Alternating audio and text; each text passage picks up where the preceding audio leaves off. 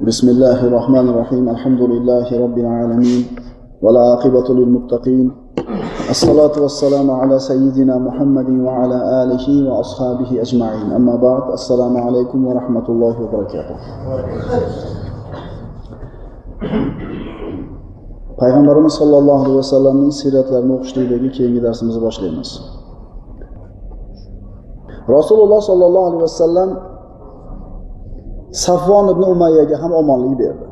Buni sababi ikrimani ayoli ikrimani olib kelganida payg'ambarimiz unga omonlik berganligini ko'rgan safvonning ayoli ham kelib yo rasululloh safvonga ham omonlik berasizmi? dedi. Safvon ibn umayyat ibn halaf islomga adovati eng qattiq bo'lgan kishi va uni o'g'li. Ha agar musulmon bo'lib kelsa unga omonlik beraman. Agar musulmon bo'lmasachi omonlik beraverasizmi u judayam bir qaysar odam dedi. Payg'ambarimiz aytdilar mayli meni oldimga kelsin mayli kelsin men unga to'rt oy omonlik beraman. Mana shu to'rt oy ichida o'zini ishini o'ylab ko'rsin. Safvonning ayoli menga bir alomat biror bir belgi bering dedi. Payg'ambarimiz sollallohu alayhi vasallam sallalarini yechib berdi. Ya'ni mana shu salla bilan safvon ibn umayya kelsa unga hech kim tegmaydi. Men unga bergan omonligim dedi. Ayoli safvonni topib unga rasululloh senga omonlik berdi islomga kir dedi. Safvon ayol aytgandek qaysar odam edi. Menga islom kerak emas lekin omonlikni olaman dedi. Mana shu shart bilan makkada bemalol tashqariga chiqib yuradigan bo'ldi. Keyinchalik bu kishi to'rt oy o'tmasdan turib islomni qabul qildi. Hunayn g'azotida qatnashdi. Shunday qilib qurayshning sayyidlari islomga kirishdi. Rasululloh sollallohu alayhi vasallam makkani fath qilganlaridan keyin o'n to'qqiz kun makkada turdi. Makka fathi bilan makkaning fathi sababli arab jazirasida kufrning boshi uzildi. Chunki qurashning islomi bilan islomga kirishlikdan to'silib turgan da'vatga to'silib turgan qabilalarga yo'l ochildi.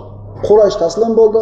Quraysh islomga kirdi. Demak boshqa arab qabilalarni ham islomga kirishligiga yo'l ochildi.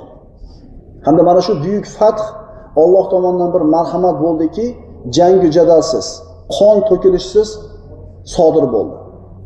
Agar quraysh musulmonlarga qarshi turganida jang bo'lganida juda ko'p musulmonlarning qoni to'kiladi juda ko'p haramda qonlar to'kilgan bo'lar edi.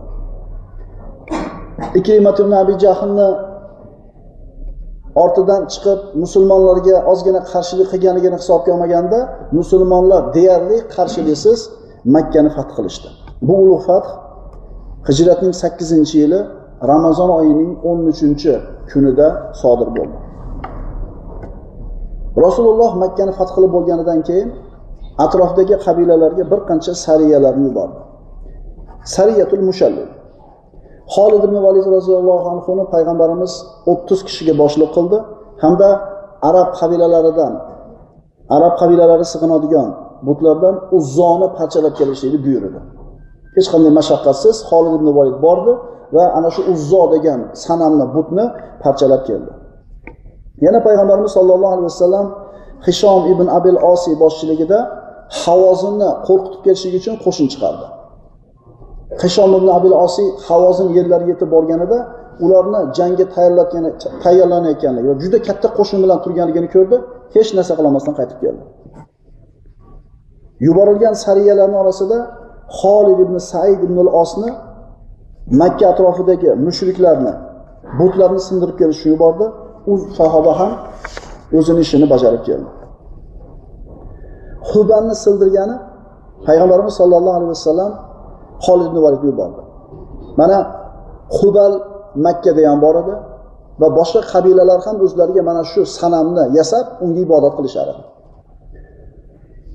Payg'ambarimiz sollallohu alayhi vasallam Xolid ibn Validni Juzayma qabilasiga yubordi. Nohata bir xatarli ish bo'lgan Juzayma qabilasi islomni qabul qilishgan edi.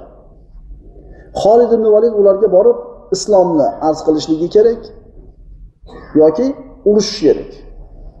Juzaymaliklar holid ibn Validni kelayotganligidan xabar topishdida uni kutib olgani chiqishdi.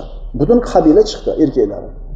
ularni odatlariga ko'ra biror bir ulug' kishini kutgani chiqishsa xuddi jangga ketayotgandek qurollarini o'zlari bilan ko'tarib chiqaradi xuddi jangga ketgandek chiqishib borardi holid ibn Valid roziyallohu anhu ularga ro'baro keldi.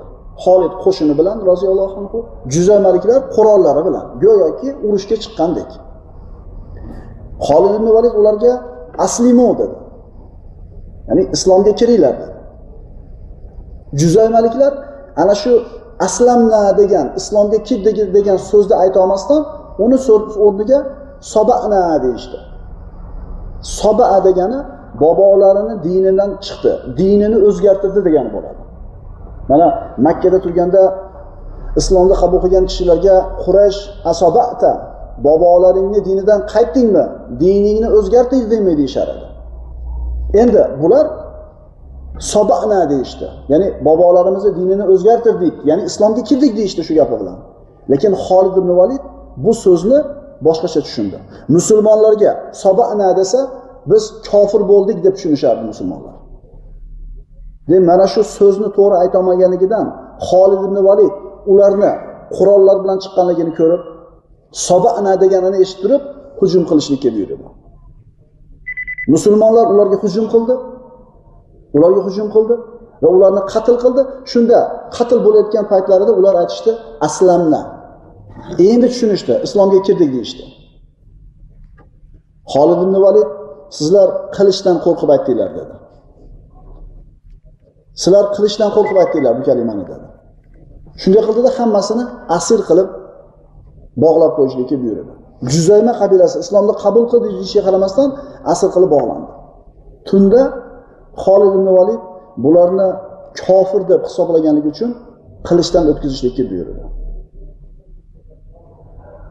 Abdulloh ibn Umar va boshqa bir qancha sahobalar Xolid roziyallohu anhuning bu so'ziga itoat qilmadi. Lekin qolganlari itoat qilishdi, ularni hammasini qatl qilishdi. Xolid ibn Valid roziyallohu anhu payg'ambarimiz sollallohu alayhi vasallamning oldiga qaytib kelib, bo'lgan ishni aytib berdi. Payg'ambarimiz sollallohu alayhi vasallam qattiq g'azablandi bu qilgan ishidan. Hamda Xolid ibn Validni qo'lini ushlab ko'tarib, Allohumma inni abrou ilayka mimma sana Xolid. Allohumma inni abrou ilayka mimma sana Xolid. Inna fi sayfi Xolid la rahaqa Parvardigoro Xolidni qilgan ishidan men pokman. Xolidni qilgan ishidan men pokman. Albatta Xolidning qilichida jur'at bor dedi. Ya'ni qon oqizishlikka, qatl qilishlikka uni qilishida jur'at bor dedi. So'ngra payg'ambarimiz sollallohu alayhi vasallam bu masalada shubha, xato bor bo'lganligi uchun, ikki xil bir ma'no bor bo'lganligi uchun Xolidni ma'lumot qilmadi, avf qildi. E'tibor beringlar. Usomat ibn Zayd roziyallohu anhu hozir payg'ambarimiz masxara qilib, musulmonlarni haqorat qilib, turgan kishini qatl qilganida qancha malomat qildi. Bu musulmonlarni xatoan bilmasdan qatl qatl qilib qo'ygan Xolidni ishidan payg'ambarimiz men pokman deb turib, bir necha marta Parvardigoriga iltijo qilyapti. Musulmon kishini qonini to'kishlik qanchalik ulug' gunoh ekanligini shundan bilsak bo'ladi. Shuning uchun falonchi kofir degan gapdan juda ehtiyot bo'laylik. Abu Mo'min degan bu munofiq bu. Nifoq akalar qalbda bo'ladi.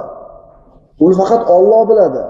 Munofiqlikda ayrim alomatlarini aytgan payg'ambarimiz biz aytaylikki, shu odamda munofiqlikning bir alomati borda, va'da berib bajarmaydi deylik, alomati bor deylik, munofiq deb hukm qilmaylik, ehtiyot bo'laylik. Hunayn g'azotidan avval sodir bo'lgan ishlar mana shulardan iborat edi. Havozin qabilasi, Saqif qabilalari musulmonlar Makkani egallagandan keyin atrofdagi qabilalarni ham islomga chaqirishi yoki ular bilan urushishligini juda yaxshi bilishar edi. Shuning uchun Havozinliklar o'zlarini atrofida katta bir qo'shinni jamlashdi. Toki musulmonlar ularga kelishligidan avval o'zlari musulmonlarga hujum qilmoqchi bo'lishdi. Havozinliklar o'zlari 10 ming qo'shin tayyorlashdi. Keyinroq ularga boshqa qabilalar, Saqif, Banu Bakr va boshqa qabilalar qo'shildi. 20 ming bo'ldi bularni adadi. Ana shu Havozin qabilasining o'g'illaridan bo'lgan, Havozindan bo'lgan Kab va Kilob qabilalari bu jangda ishtirok etishdan bosh tortishdi. yigirma minglik qo'shin jamlandi endi o'zlariga bular amir tayinlashligi kerak bular o'zlariga amir qilib malik ibn avf ismli kishini boshliq qilishdi bu odamni yoshi yigirma to'rtda edi yigirma to'rtga kirgan yigit yigirma ming yigirma minglik askarni boshqarishlikka amir qilib tayinlandi. Yosh bo'lishiga qarashmadi chunki makonati oliy edi nasl nasabi sharafli edi shuning uchun amir qilib tayinladi. E mulohaza ozgina. Yigirma to'rtga kirgan bolani yuragini quvvat yetyapti. Yigirma ming qo'shinni boshqargan. Bizni yigirma to'rtga kirgan bolalarimizga yigirmata qo'yni boqib kel deb beradigan bo'lsa u yalqovligidan xohlamayapti emas ehtimol ishonmayotgandir o'ziga. Yigirma to'rtta qo'yni yoki yigirmata qo'yni boshqargan. Yoshlar bir mulohaza qilaylik. Yigirma to'rtga kirgan yigit jangi jadalga yigirma ming odamni boshqarib ketgani endi ular mana shu ruhda tarbiya topganda bular bu oliyjanob bo'lish birinchi bo'lish sharaf izzat g'urur degan e, ma'nolar bilan tarbiya topgan. Bizni zamonimizga kelib turib shu nima bo'lsa ham bo'lsa bo'ldi. Qanaqa bo'lsa ham zo'r yashasang bo'ldi. G'ururing ketadimi izzat nafsing sinadimi unaqa gap yo'q hali qolmayapti o'g'il bolalarda. Ayrimlari endi hammasida emas. Payg'ambarimiz sollallohu alayhi vasallam havozin qabilasidan xabar topib kelishligi uchun qo'shinidan bir odam yubordi. Bu odam toifga keldi havozin qo'shinining ichida yurdi bir necha kun yurib hamma ma'lumotlarni oldida qaytib keldi. Payg'ambarimiz sollallohu alayhi vasallam bu ishlardan g'ofil emas edi. Oldindan xabar olib turibdi. Hushyor edi payg'ambarimiz. U kishi keldi rasulullohga havozinni tayyorgarliklarini xabarini berdi. Payg'ambarimiz sallallohu alayhi vasallam makkani ichida jang bo'lishini xohlamasdan qo'shinni tashqariga chiqishlikka ya'ni makkadan chiqishlikka buyurdi. Nima uchun xohlamadi payg'ambarimiz? Birinchidan haram. Qon to'kilishi kerak emas u yerda. Ikkinchidan makka yaqinda islomga kirdi. Qurayshliklarni islomi hali yangi mustahkam emas.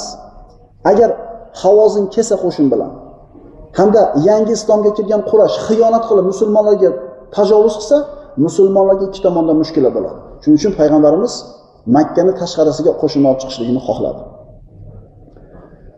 Rasulullohga havozindan kelgan kishi xabarni aytishi bilan tashqariga chiqishlikka buyurdi. Lekin bu sahobiy xabarni olib kelishi bilan havozin toifdan chiqdi. Bu haqida hali payg'ambarimizni xabari yo'q. Chunki oxirgi xabar tayyorgarlik ko'ryapti keldi lekin chiqqanligidan xabar topishmadi.